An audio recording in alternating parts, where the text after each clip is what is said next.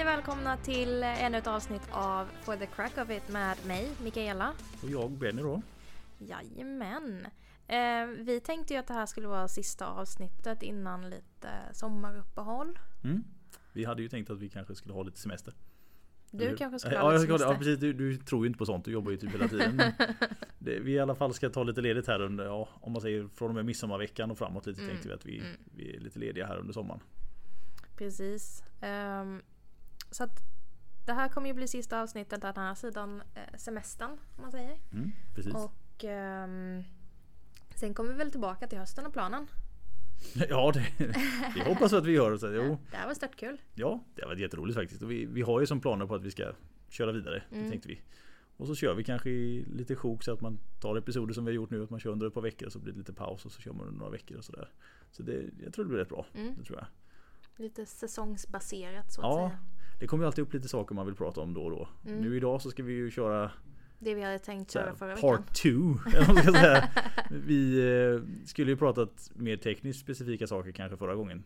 Alltså kring lite tankar och sånt med vissa övningar och sådär. Mm. Men vi hamnade mer i filosofin kring träningen lite grann förra gången. Det blir gärna så när man har roligt att man surrar iväg lite och vi kan ju inte prata här i 3-4 timmar. Eller ja vi kan. Det är klart att vi skulle kunna pladdra på men vi försöker ändå hålla så att det inte ska vara för länge per episod så att Mm. det inte liksom blir långdraget. Nej men precis. Det, man får ju inse att det man pratar om själv är väl kanske det man tycker är roligast hela tiden. Men det är inte säkert att alla som lyssnar på gillar varenda liten detalj och anekdot som man lägger upp hela tiden. Utan ja, lagom dos. En Så, lagom dos ja. lagom Mm. dos. Helt Till och med vi kan bli för mycket. Det är svårt att se det men visst. Det är helt orimligt Ja, att ja, precis. ja. What to do, what, to do. Ja precis. what to do, what to do. Ja.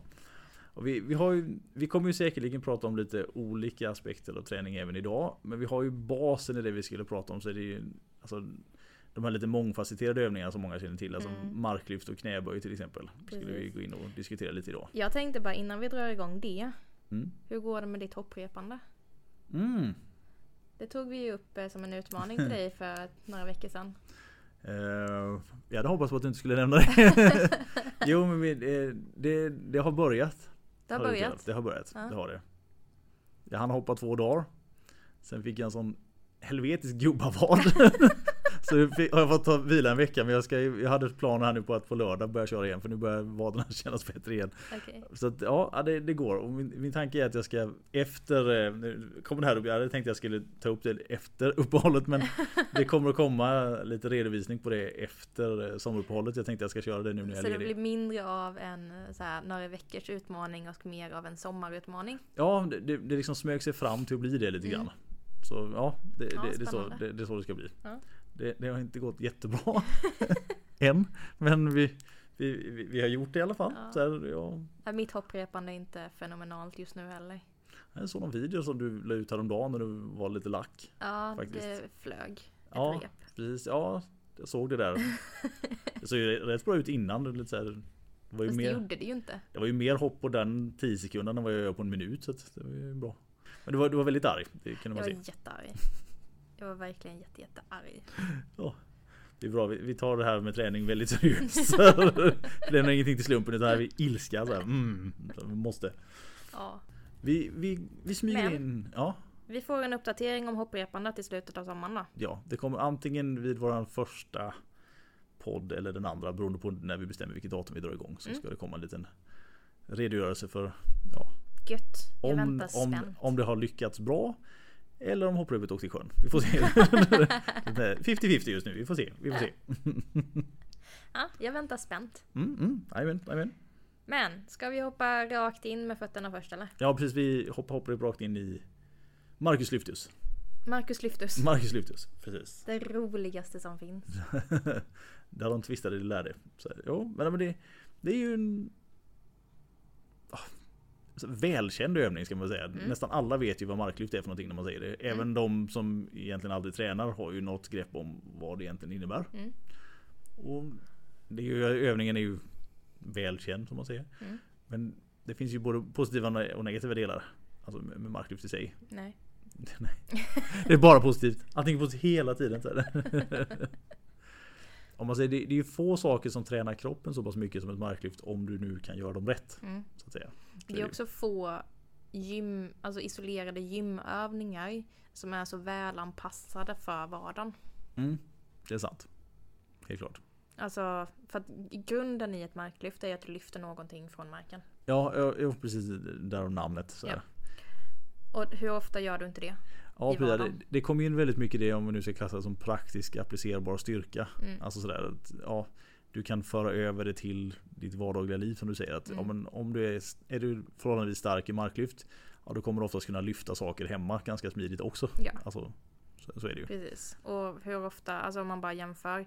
Eh, hur ofta lyfter du någonting från marken och bara lyfter det? Mm. Kontra hur ofta rycker du upp det från marken och eh, fångar det över Ja huvudet? precis, stöter upp det i huvudet. Ja, ja. Men sen kommer du gå med skottkärran över huvudet. Nej men det, det är helt riktigt att just den praktiska appliceringen utav övningen är ju, är ju bra. Mm. Faktiskt det är det. Sen finns det ju jag kan säga det finns ju en övre gräns också med hur, hur långt upp man går. Alltså hur mycket som kan föras över. Om man säger säger att du kan lyfta Vi tar 150 kilo som ett exempel i marklyft. Mm. Eller om du kan ta 350 kilo i marklyft. Mm. Det, alltså den praktiska appliceringen över där blir inte så stor skillnad. Det, Nej. för det, saker och ting När det är så pass tungt som att du, alltså att du drar 300 kilo i mark. Det är inte så att du kan gå hem och ta en 300 kilo sten och traska iväg med. Alltså, du måste ju ha det så väl fördelat för att det ska funka. Däremot Mm. sånt som väger under 150 Det kan man oftast ta tag i. Även om det inte är perfekt balanserat så kan man ofta lyfta det ändå. Mm. Så att det finns en liten, liten gräns för hur mycket det väl överförs. När det är inte så många av oss som lyfter 300 i mark. Nu känner jag att du är väldigt negativ mot mark. Nej, det har inget negativt. Det här är bara en generell diskussion. Det- ja, men eh, genom åren så har man ju haft Jag har faktiskt haft perioder när jag har ifrågasatt huruvida man ska göra marklyft överhuvudtaget. Alltså när man har sett så många som har gjort sig illa i det. Och så där. Och det, det är ju inte riktigt rättvist emot övningen i sig. Nej. Är det inte.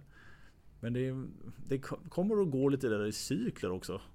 Men är inte det e- egentligen, om, om, om man bara grottar ner sig i den problematiken liksom med en gång.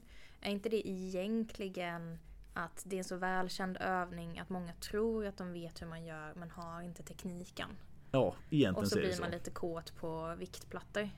Ja, alltså det, den här ständiga grejen att om vi, om vi nu vi klassar som råstyrka till exempel, alltså Mm. sånt som man vikter du kan ta oavsett teknisk insufficiens så kan du liksom lyfta upp det i alla fall. Och det är ju rätt så många som tror att ja, men kan jag lyfta låt säga 50 kilo i, i mark Ja då, då kan jag ta 60 också. Mm. Sen kan jag ta 70 också, 80 och 90. Men du kommer komma till någon platåfas där, där din naturliga råstyrka inte riktigt räcker till. Nej. Och om du då inte är om man säger, tekniskt duglig till att utföra det så är ju risken för skada ganska överhängande för att det blir, det blir tungt. Va? Mm. Och det, genom tyngden så ökar ju risken för lite värre skador också. Exakt, det är, det är snarare belastningen som är eh, problematiken än, än övningen i sig. Vi har ju gått igenom här i stan de senaste ja, kanske tio åren lite av en PT-våg om man säger så. Alltså det har blivit mer accepterat att man skaffar sig en personlig tränare och man gör saker och sådär. Lite under vissa år här så, nu ska jag här, jag ska inte döma ut alla PT så att de ger ut samma saker, det är inte riktigt det jag menar. Men det fanns en förkärlek för att man Det skulle här köra. är bara Benny. det fanns en förkärlek för i alla fall att ja, skulle man träna, ja men då ska man köra Alltså man ska köra marklyft och basövningar egentligen. Att det var det man skulle, man återgick till det lite grann. Mm. Och det är väl inget fel i sig. Men säg att du aldrig har tränat någonting överhuvudtaget. Alltså du är helt novis på träningsfronten. Och så kommer du in i en hett situation med marklyft och ska försöka köra mer och mer och mer. Mm. Så länge du kör din session med PTn i sig är det väl ingen större fara för då har du liksom någon som övervakar hur du gör. Men oftast är det så att du kanske träffar din tränare kanske en eller två gånger i veckan och sen ska du träna dig själv däremellan. Mm. Och där finns ju alltid risken att du inte riktigt är lika tekniskt kompetent som du trodde att du var och att du vill för mycket. Mm. Att din, ja, din osmidighet med övningen egentligen gör att du drar sönder lite grann. Den, ja men den, den risken är överhängande i vad du än gör. Mm. Det handlar ju inte om eh, övningen i sig. Alltså så här, absolut en basövning är ju mer tekniskt eh, krävande. Ja, och det är ju där i som jag kanske sätter mig emot när vissa går in och kör det för tidigt. Mm. För att alltså, är du duktig på det så är det ganska lätt att göra det. Mm. För att du, du har liksom koll på det va. Men man kan förvånas ibland över hur det låter så elakt, men hur inkompetenta rent kroppsligt vissa människor är. Alltså man tror att man kan göra någonting och så Alltså det ser bara för jävligt ut. Mm. Alltså när de ska göra det. Va? Mm. De är starka nog att göra det men det ser fortfarande för jävligt ut. Och ja, då, då, då är det lätt att dra sönder sig bara för att man, man får vridmomenten konstigt i övningen i sig. Mm. Så här, Mikaela får en sån där blick att om du försöker hitta hål i Nej, nej, nej. Här, Jag Hur ska jag förstöra? bara, det, fin, det finns också vissa, lite som vi pratade förra veckan om, ehm, de, individ, de individuella uppbyggnadsskillnaderna. Mm. Att ta, vi byter övning. Ta exempel knäböj. Ja. En del eh, gör sina böj med fötterna rakt fram och knäna rakt fram, alltså en väldigt smal stance. Yes. Andra behöver eh, lite bredare stance och vinkla ut mer på grund av hur höftkulan ser ut. Mm. Och den är lätt att man glömmer i alla övningar. Vi bara tar, alltså, tar det som ett exempel att så här, beroende på hur- varje enskild eh, kropp är uppbyggd så har man vissa eh, begränsningar och förutsättningar i att utföra en övning. Sen att det inte ser perfekt ut från eh, en skolbok, alltså bild till bild, det är egentligen mindre intressant enligt mig. Mm. Men med det sagt så håller jag ju med om att så här, ostkrokslyften och bananbågar hit eller dit eller när vem var det du, det var någon du hade hört eh, som ville ha pirret i benen. Ja det var det jag pratade om förra gången. Ja, Ja. ja precis. Ja. Precis.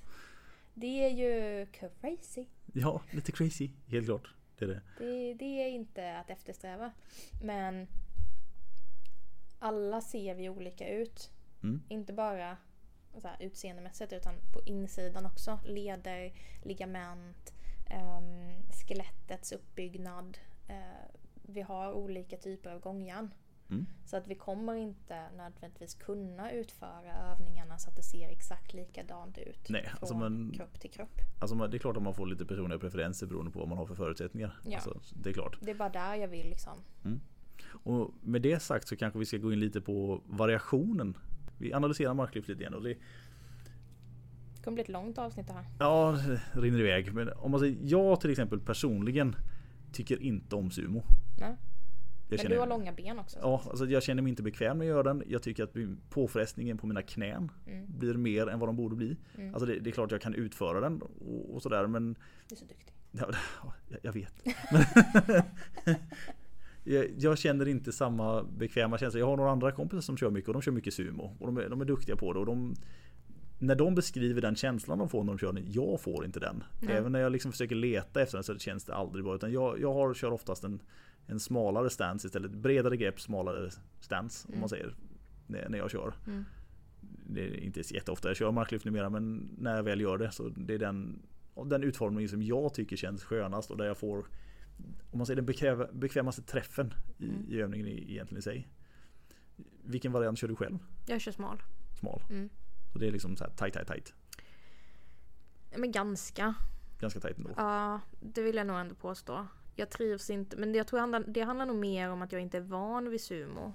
Mm. Eh, Alltså, och när vi säger sumo så är det ju ehm, en bredare stance, alltså fötterna längre ut eh, mot plattorna med lite lätt utåtvinklade fötter och därför Exakt. kommer du alltså närmare med bäckenet mot stången. Så händerna kommer på insidan av knät jämfört med utsidan i en mer traditionell eller smal marklyft. Man säger. Ja. Jag har för mig att man är i början, eller början och början låter som jag är gammal men innan man gick över och kallade Innan man gick över och kallade det för sumolyft hela tiden så har jag för mig att man kallade det för pyramidlyft i början. För att det blir att benen utformar nästan som en pyramidliknande Mm. stance egentligen när man, när man ska lyfta. Som egyptierna. Ja, precis. För där lyfter de mycket tunga stenar så därifrån kommer det. Måste Nej, det var så här sanning med modifikation. Men jag, jag får mig att det var det som jag fick det förklarat för mig första gången jag såg det. När någon Mm. gjorde det var att de sa men det här är ett pyramidlyft. Så jag bara, Jaha. Och det är klart att tittar man lite krasst på hur benen positioneras så blir det lite så. Mm. Alltså, det är lite pyramid i alla fall. Mm. Nej men så jag gillar ju, jag gillar smalmark. Mm. Ehm, jag har inga problem med sumo. Men jag får inte den kontakten med muskulaturen som man beskrivs att man ska få. Mm. Men jag tror snarare det handlar om att jag är ganska dominant i skinka baksida ändå. Så att för mig så är det ingen jättestor skillnad om jag vinklar ut höften en smula. Nej, sant. Du får liksom, ja, du får ju den bekväma träffen i alla fall. Exakt. Och nu kan vi då säga, i och med att både du och jag föredrar den då lite smalare varianten så Mm. får vi då säga att, att sumolyft är ju sämre. Såklart. Det är helt klart, nu, nu är vi liksom säkra på det att sumolyft är sämre. Mm. Och om någon annan har någon annan idé om att det skulle vara tvärtom. Så har ni fel. Ja precis, då har ni fel. Det var det jag skulle komma till. Det är Jättefel. Så hur mycket arga kommentarer vi än får sen, nej, ni har fortfarande fel. Sumo är sämre än vanligt. Självgodheten bara, så, oh, bara svävar omkring här. Så, så ska det vara. Sen har vi också, för nu har vi pratat benpositionering och sådär, Ja. men vi har ju handgreppet. Har vi också. Mm. finns ju liksom en, en uppsjö av olika, Mm. eller uppsjö, fyra. Dels är det lite hur brett Tre varianter. Ja, tre, själva handpositionering är väl tre, Ja, sen kan det. vi lägga in hur brett man ska hålla. Ja. Det kan ju vara lite skillnad. Men det är ju antingen då att man ska köra säger man, hälften hälften. Eller framåt bakåt. Blandat grepp kallar jag det. Ja, blandat grepp. Mm. Och det är alltså att ena handen greppar med att knogarna kommer emot dig och den andra är att knogarna kommer ifrån dig. Mm. Och sen ja, ska man ju egentligen kanske kunna vända då och ha dem tvärtom också. Alltså Ja. knogarna utåt. Och, och sådär. Jag själv har oftast alltid kört med knogarna emot mig. Alltså, ett, alltså inte blandat grepp utan rakt grepp istället. Knogarna mot dig. Nej tvär, äh, knogarna ifrån. nu säger jag fel. Biceps curl i mark. Ja, jag kör alltid mark slash biceps curl i samma. Vilket är antingen väldigt, väldigt imponerande. Eller extremt löjligt. Hur man nu vill se det. Jag står här och markar med mina 15 kilo. Så. Det är som en extremt slö frivändning. Så här. Så här, tar upp den. Ja. Nej, så knogarna ifrån mig Mm. givetvis. Det är jag som säger fel. Knogarna ifrån mig. Jag eh, älskar blandat. Mm. För jag känner att där kan jag liksom vrida åt. Så att jag känner att jag får ett bättre grepp i stången. Är du en fast blandad eller skiftar du? Jag borde skifta men det gör jag inte. Nej, så du har alltså en favvo, Ja. favvoblandning så att säga. Jajamän. Hur är det då? Alltså är det vänster knog ifrån dig eller vänster knog? Höger knog eh, ifrån mig. Höger knog ifrån? Ah, Okej, Mm. så tvärtom där. Mm. Ja. Jag skojar bara. det skulle vara något speciellt. Det går ju bra vilken sida som. Men det... Så jävla dåligt skämt. ja. ja, det var det, det, det kändes bättre än vad det var. En sån person som har vänster Du har alltid varit lite udda på. Ja, precis. thank you. Ja, Jag är precis. också vänsterfotad så Det är ännu mer take a konstigt. stab on that. Ja, precis. Igen. Nej men det hade också många som twistade om vilket som skulle vara bättre eller inte. Men det, generellt sett om man tittar på tävlingar och sådär så är det ju just blandgreppet är ju det vanligast förekommande. Mm. Så är det. Men jag tror det handlar om lite så här känslan att man, man kan låsa stången. Det blir, den, den blir ju stabilare i och med att du får inte ens... Eh, I och med att du drar och vrider lite Mm. när du låser greppet. Så blir stången ytterligare lite stabilare så det blir inte så lätt wobbligt. Nej, det är sant. Ehm, sen drar du den såklart längs benen också. Mm. Eh, så att den ska ju inte wobbla. Men den där extra lilla... Och det är, ju Det är också lättare att slå på latsen när du gör det. Alltså, mm, skruvar in dem så att det liksom, ja, där satt den. Eller vad man ska Mm, säga. Ja. exakt. Ja, jag, jag kan förstå tankegången bakom det. Helt klart. Ja. Och sen så är det ju då som Benny håller, vilket är löjligt. Ehm, Ja, jag får ta på mig den då. Att jag, jag kör den löjliga varianten så här. Ja, nej. nej, Ja, det är, det är väl det minst löjliga du gör. Au! Så här, burn igen. Så, de skämten var bättre. De tog lite hårdare. Min var lite så vilseledande och konstig. Så det, det var bättre helt klart. Ja, nej som sagt jag Jag har ju kört även med blandat grepp jag också men jag, jag, jag trivs bättre med att köra samma. Mm. Faktiskt. Det gör jag. Sen har jag väl aldrig varit en sån här masskörare av tunga knä.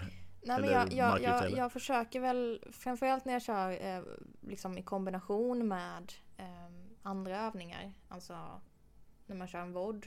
Mm. Eh, så ska jag göra många marklyft, ja men då kör jag alltså i en vod då. Eh, då kör jag blandat. Men om jag bara ska göra enstaka och sen gå över till clean eller något annat, ja men då försöker jag hålla eh, samma. Eh, så att man inte behöver liksom breaka upp det. Nej precis. och det- Breaka Sen det. break-. Break, up, vi breaker Break it, up. We breaker it up. Så, ja, jättebra. så internationellt så tufft ja. Det, det får vara amerikanska lyssnare. Precis, vi är stora i USA. Vi är stora i USA. Och Ryssland. Ja, USA, ja precis Ryssland nu senast. Vi hade mycket, det vill man ju knappt säga högt men ja. Vi, har lyssnare i Ryssland också av någon Ja, anledning. några i Rumänien också. Jag vet inte Ja. riktigt varför men vi är stora där. Ja, Rumänien, USA och Ryssland. Så det är ett brett spektra på lyssnare här.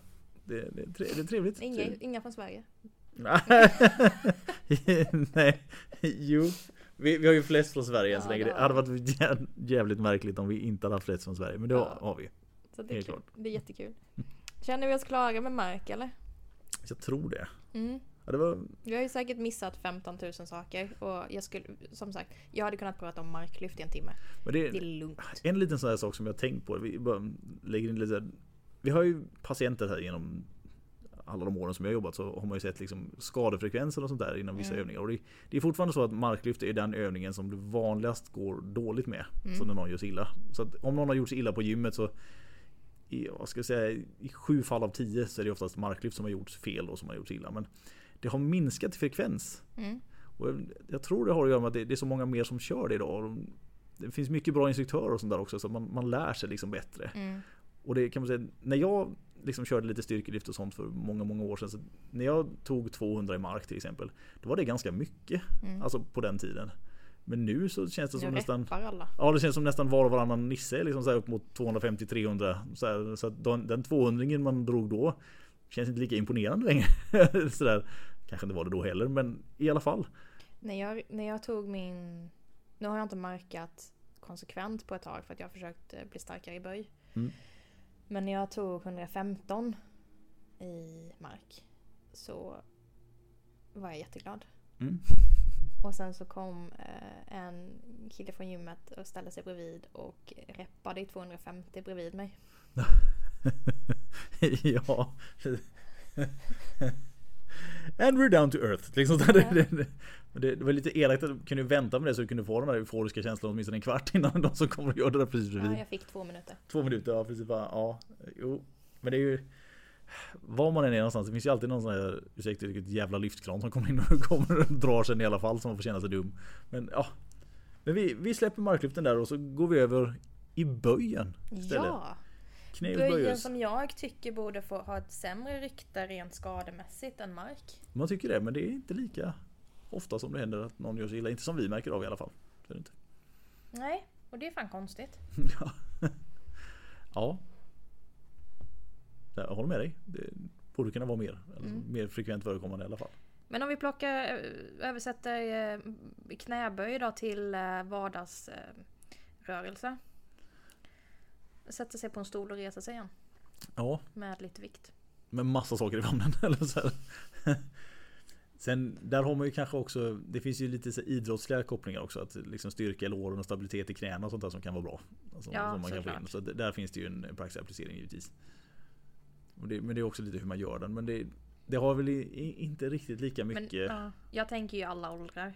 ja. Alltså så här, säg 20-30-årig idrottsman, absolut svinbra om du är fotbollsspelare, du ska bli Mm. stark, du ska klara dig. Ja, böj Ja. som fan. ja. Eh, 80-åriga gubbar och gummor, Böj som fan. böj som fan. För att du ska kunna ta dig ur den där stolen själv, Ja, precis. helst. Det är exakt. Det är ju det. Alltså det, det finns ju mycket som man Ja, vi kommer nog återkomma lite till det ofta det här med den praktiska appliceringen. Att Mm. det inte bara är att man ska liksom ja, Inte bara kunna ta 100 i knäböj utan det finns alltså en bättre mening med allt det andra som man får tack vare att man är så stark i benen Mm, sen i alla fall. mm. Så det är mycket fördelar Precis. faktiskt, det gör det. Men eh, böjen då, Mm. eh, traditionell backsquat om man säger. Ja, Stången på ryggen, jajamän. sätta sig ner i huk, resa sig upp igen. Exakt. Finns ju olika varianter. Ja, Du kan ju eh, fronta också. ja, och även här positionering på benen. Ja, Ja, liksom, det, det är som så här fronta. Och fronta är ju att vi har stången alltså framför Ja, kroppen precis. istället för bakom. Och, och sen positioneringen på benen är ju att man kan ju antingen köra smalt eller brett eller så här, precis som vi pratade om i, i marklyftet innan. mm. Och sen även då man kan ju ha yttre krafter som man påverkar också med gummiband och sånt där runt knäna så för att få en, press ut. För att få isoleringen i låren och lite Ja, saker också. stabilisera knäna så att man inte wobblar allt för Mm. hårt. Eller så att man får rätt aktivering i sätet för att faktiskt skjuta utåt och inte trilla ihop. Eller Ja, kollapsa med knäna. Exakt, alltså man ska... Alltså, här, här tycker jag det är viktigt med eh, mobilitet eller rörelse i fotlederna. ja, Eller tycker jag, det är det. Men Alltså- om det är någonting man ska foka på så är det nog det. om vi kommer in här, säg att du ska köra den, alltså, i den rörliga varianten. Vi, vi, kör ass to the grass som man säger. Att du ska kunna liksom sitta lågt. Mm. Då är ju rörligheten i både fötter, knän och höfter avgörande för att du ska kunna komma ner till den positionen och sen upp igen Mm. överhuvudtaget egentligen. Det är inte jättemånga idag som klarar av med, i alla fall inte med någon vikt på att kunna gå hela vägen ner och hela vägen upp. Där det ser ut som ett alltså, effortless rörelsemoment. Det, det, det är faktiskt tämligen ovanligt. Vi är inte så rörliga alltså, generellt så. nej. Men där, ja, det kan jag tycka är, jag, jag har kommit ifrån lite inne på egna anekdoter igen. Men när jag körde mycket knäböj och sånt. Ja, gäsp. när jag körde mycket knäböj och sånt för många år sedan, alltså när jag tränade som mest. Då var jag inne i en sån här period att jag var ju mycket det här för det strikta och så här Mm. som det skulle vara. Så att jag var nästan så anti att man skulle gå hela vägen ner. Utan det var ju så här 90 grader. För det, liksom, det var minst Alltså det var mest skonsamt för ryggen att man inte gick djupare. Så att jag får nog säga att Det jag är har... också ointressant. Ja, alltså på, på ett vis är det sant, men på mycket inte. Alltså, det finns en övre gräns när man räknar ut belastningsmodellerna ner i slutet på ryggen. Att är det för tung press på, alltså har för mycket tyngd, så kommer belastningen på diskarna bli så stor så att du får inte någon nytta av att du går ner i, i botten, utan då är bara skadrisken för hög. Nej men absolut, men då snackar vi maxning. Ja, precis maxning. Men däremot nu alltså... och hur ofta kan du maxa ner i ass to grass? Ja, nej, precis. Men det är just att man, min tanke med det jag säger är att man kanske inte ska göra det. Att det inte är det man försöker sträva efter. Men däremot om man ska alltså, reppa eller köra utan vikter och så här så är det ju egentligen bra att kunna gå så långt som möjligt så att man ska liksom kunna sätta sig på huk och sen ställa sig upp utan att det är någon direkt biggie. Alltså det, det är inget större problem att göra det va? Och det är ju en väldig fördel egentligen. Gud ja. Så att jag kör ju mer idag efter den principen att jag liksom går djupare. Nu ser det så här skeptisk ut. Men, Nej nej, nej. jag bara... Svårt att se dig göra en ass to grass. Ja, jag vet det är inte så ofta man ser det. Men det, det, det, faktiskt så gör jag mer det idag än vad jag gjorde alltså för 10-15 år sedan i alla fall. Och sen kör jag ju kanske lite lättare idag också. Att jag kör inte lika tungt heller. Utan det är mer, mer fokus på rörligheten istället. Mm. Alltså för min del. Eftersom jag är så gammal som du så gärna vill påpeka här så är ju mer rörligheten i mina knän och fötter kanske bättre. Dina ord, inte mina. Nej precis. Det är så dina ord egentligen. Mr Old. Så. Men själv då när du kör? Ursäkta, jag hörde inte. Nej, inte jag heller. När du kör ett pass med, med böj här. Du, Mm. du har ju hållit på här nu. Vi pratade ju förra gången också om din lilla pers omgång där som var så här med stora frågetecken på. Hur känns det för dig nu? Är det, är det så som du vill att det ska vara? Eller är Nej, jag är fortfarande svag som fan. Hur är känslan i själva utförandet då? För du hade ju länge som Ja det var 200% din rumpa som jobbade och ingenting annat. Ja men det känns bra. Ehm, ju mer jag böjer desto mer känner jag att jag får en kombinerad aktivering. Mm. Så att nu har jag inte riktigt, alltså så här, när jag tänker teknik, rörelsen så har jag inte riktigt lika mycket rumpaktivering om man säger. Mm. Så det är inte bara ass, ass, ass, ass, ass, ass. Nej, det är bra. Få in lite mer aktivering med annat. Eh, jag kör inte stripperresningen med stång på ryggen längre. Nej, fällkniv. Exakt. Ehm, det blir inte en good morning. Nej, Nej det, är, det är bra. Alltså hälsomässigt sett väldigt bra också. Ja. Så att diskarna får lite chans att vila. Men jag tycker ju fortfarande att så här rent kvalitetsmässigt i förhållande till vad jag... Alltså jag är ju mest besviken på att min kropp inte, eller min, mina diskar inte tillåter mig eh, att göra det jag rent muskelmässigt kanske klarar. Mm. För att en... Mina max känns inte som max i musklerna. Nej, just det. Och det är där jag blir irriterad. Ja, så du får ju inte kanske den där riktiga failure-känslan eller Mm, gränsen till failure när du kör max. För att det Precis. är annat som säger när, jag, när, när det maxar för mig, då är det att jag har ingen kräm. Inte för att jag är för att musklerna säger ifrån, utan för att mina nerver inte... Mm. Det blir trångt Exakt. helt enkelt. Så att jag har ingen kraft på grund av att det blir för trångt i, för nerverna. Mm. Ehm, om jag maxar något annat, säg biceps curl eller någonting. Mm. Då, det är en helt annan känsla i muskeln. Ja, precis. Och den Om- får jag inte i ehm, benen. Nej, precis. Ja, jag förstår det. Det är en frustrerande känsla. Mm. Helt klart. Ju bättre jag blir på och ju mer jag gör det desto bättre blir det. Men det går lite för långsamt enligt mig. ja, du är ju vida känd för ditt tålamod. Ja. Eh, Nej, det är det inte. Jag började ju igår! Ja, precis. Här, pers varje dag, pers varje dag. Här, måste, måste, måste, måste. Mm, Alla nej. PB räknas. Alla PB, ja precis. Här, även om det inte är tyngsta vikten så det var färre antal sekunder jag vilade innan jag körde så att det är PB i alla fall. Så här. Går alltid hitta ett PB när man tittar på den rätt vinkel. Så här, så något PB. Curl. Ja precis, något PB finns det någonstans. Så ja. Nej, nej men jag vet inte, det är en svår fråga att svara på måste jag säga faktiskt. Men ja, jag vet faktiskt inte. Det känns bättre men inte så som jag vill att det ska kännas. Mm, Och jag- kvar. Tror tyvärr inte att jag någonsin kommer få den känslan. Det är väl lite på gott och ont också skulle jag tro. Alltså, en strävan är ju alltid bra. Mm. Alltså när man vill att saker och ting ska bli bättre. Det är ju oftast när det blir, alltså när man kommer till Alltså en nivå där allting känns bra som man slår, en, slår in i någon platå. Mm. Alltså så att man man blir lite nöjd på något vis. Och där är väl också risken att man då kanske tappar lite motivationen i, i träningen och sånt där också. För att ja, men man har uppnått dit man skulle. Det man Mm. liksom, ja, du har liksom slitit här i tio år för att nå till ett visst läge och sen bara Jaha.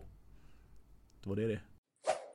Alltså det, jag, jag, jag tror att jag kan låta lite obstinat och, och eh, motsägande ibland. När man kommer till teknik och att det ska vara på ett visst sätt. Och när man pratar om coacher som, som eftersträvar det där att det ska vara exakt så här. Mm. Lite som eh, PTn som hade den här klienten som fick stå och göra Ja, Fröken Vägg där menar du? ja. Ehm, alla ser inte ut på samma sätt. Alla kommer inte kunna göra Nej. ett böj på samma sätt. Det kommer inte vara perfekt för alla. Nej men rätt. Det kan vara farligt att försöka liksom få in det i det där facket hela tiden. Alltså man måste att men- alla ska och, vara i det. Och jag blir så här, jag, jag, jag blir eller framförallt jag blir väldigt obstinat på det för att jag vet hur det inte stämmer på mig. För Mm. jag kommer inte kunna göra ett perfekt böj någonsin, som sagt tror jag. Mm. Ehm, dels för att jag står mycket smalare än vad många gör Mm. i, på bilder och i videos när de ska säga bara det här är det perfekta böjet. Ja. Eh, för att jag har den rörligheten. Mm. Det är inte det som är problemet. Eh, jag tycker om att stå lite smalare. Ehm, och jag låser snarare höften om jag vinklar ut för mycket. Vilket gör att jag har sämre rörelse om jag står bredare. Mm. Vilket är konstigt, Ja, enligt många. Faller lite utanför ramarna där. Ja. Men sen har jag också min rörelseproblematik i ländryggen som sätter lite käppar i hjulet. Ja den är ju där och spökar lite för dig hela tiden. Så är det ju. Ja, och jag har nervproblematik som gör att jag får inte riktigt den ehm, krämen ut i muskulaturen som Mm. jag kanske skulle vilja. Jag menar jag kan sitta och göra benspark till, ehm, till låren brinner. Forever and ever. Ja. Ja. Och, så att jag, har, inte- jag har inte problem med styrka per se. Jag har problem vid belastning. Kompression helt Exakt. enkelt. Mm. Eh, och jag vill fortsätta att belasta. Mm. För fördelen med det är så pass mycket större än nackdelen med att, av att inte göra det. Mm. Och, och då, då, när jag säger det så menar jag då alltså på sikt hur, hur skelettet mår, hur ligamenten mår, hur, hur muskulaturen mår över sikt när man blir äldre, när man kommer i, eh, förbi, alltså i mitt fall eh, klimakteriet, när, när östrogenproduktionen kommer göra mig skörare i skelettet och alla de här bitarna som Är det tråkigt att tänka på? Ja, jag kanske inte behöver planera för det nu men jag Ja, förstår, men fast det är nu jag bygger grunden. jag förstår din tankebana. Det, Ja. det är klart. Ehm, om jag kan börja nu istället för när jag är 40 så har jag ju ett bra mycket större försprång. Mm. Och nej, det är inte därför jag tränar. Men det ligger fortfarande där som en tanke. It be Ja. there. Ja men exakt. Och jag tänker inte sluta träna eller träna böj för att, alltså bara för att det är svårt. Nej, och det, det är ju en... Vad ska man säga? Kudos till självdisciplinen. För det hade ju varit lätt i och med att det är lite motigt för dig. Att man då hade skitit i det. Mm. Alltså så här, för, framförallt som du sa innan att ja, det kommer aldrig kunna bli ett 100% perfekt utförande just på grund av skadorna du har i ryggen och här Mm. grejer. Och det, det, det skulle ju väldigt många se som en, ja, en indikation på att man inte ska göra det alls. Alltså man skiter i det då istället. Men du använder ju kanske det här då som lite ja, fuel to the fire som man säger. Du, ja, din strävan är att det ska bli bättre. Så att, Ja men det handlar ju om att jag är världens sämsta förlorare också. ja, Alltså, det är ju samma, samma del av mig som är det här är ju också orsaken till de här skadorna. Ja, precis såhär Fia med knuff. Die motherfucker! Liksom så. Jag tänkte jag skulle överdriva lite men det var så här sanningsenligt istället. Ja precis, ja. Vi, vi kommer inte köra någon game night här på kliniken. Det är farligt för, för samarbetsförmågan. Du har bovlat med mig. Ja, ja det är sant. Det är sant. Scary. Någonting annat som vi ville nämna just om de här två övningarna i alla fall? Nej. Mer än att så här, har du inte testat, gör det för det är bland de roligaste grejerna. Men fokus på teknik. Mm. Försök att hålla den teknik som du klarar. Ehm, och dra inte tyngre än vad din kropp pallar. Framförallt inte i början. Alltså det finns ju ingen mening med att man alltid ska dra det tyngsta man kan. Alltså man kan faktiskt träna utan att det behöver vara så extremt tungt. Åtminstone tills man kommer in i det i alla fall. Ja, och contrary to vad många tror så behöver du ju inte ha eh, det där C-greppet som sista. Alltså om du kör en 5-6 rep per set eh, repetitioner. Ehm, sista repetitionen behöver ju inte gå i snigelfart för att det är så jävla tungt. Nej, Har du kontakt och känner att muskelgruppen som du försöker träna blir utmattad. Jag lovar att du kommer få respons ändå. men så är det ju. Det, det behöver inte vara typ ögonen poppar ur skallen tungt. Nej, precis. Ja, precis. Något håller på att gå sönder tungt liksom varje gång. Så här. Nej, man, man, Hellre teknik över vikt. ja, alltid teknik före vikt. Men det är väl Mm. typ det. Ja, Ska vi vara nöjda där? ja, jag tror vi avrundar lite. Ja. När eh, det här avsläpp, eh, avsnittet släpps så är det ju midsommarvecka. Precis. Och ehm, det är ju sista, som sagt, som vi sa i början här, eh, över sommaren. Så att vi får väl önska alla en fruktansvärt trevlig midsommar. Mm. Hoppas att solen skiner var ni än är. Det kommer det säkert inte göra hos mig, men Nej, vi, hoppas att, hoppas. vi hoppas att alla får en riktigt trevlig midsommar och Ja. sommar överlag faktiskt. Och sommar. Och så hörs vi väl i augusti någon gång kan jag tänka mig. Ja, vi vet inte exakt datum än men någon gång i augusti kommer det vara att vi Mm. kör igång i alla fall. Det är Ni kommer få alla uppdateringar på eh, Växjö Kiropraktorkliniks Instagram. Kanske Jajamän. Facebook också. Mm. Så om ni inte redan gör det, följ oss där. Ja, precis. Eh, Jag finns också på eh, Chiropractor Mickis. Som vi också varmt rekommenderar, framförallt för underhållningsvärdet. och jag har Chirobempa då som är på Instagram där. Yes. I övrigt får ni ha en fortsatt trevlig sommar. Mm. Och så hörs vi eh, senare. Senare. Precis. Ha det gött! Tja då! Hej!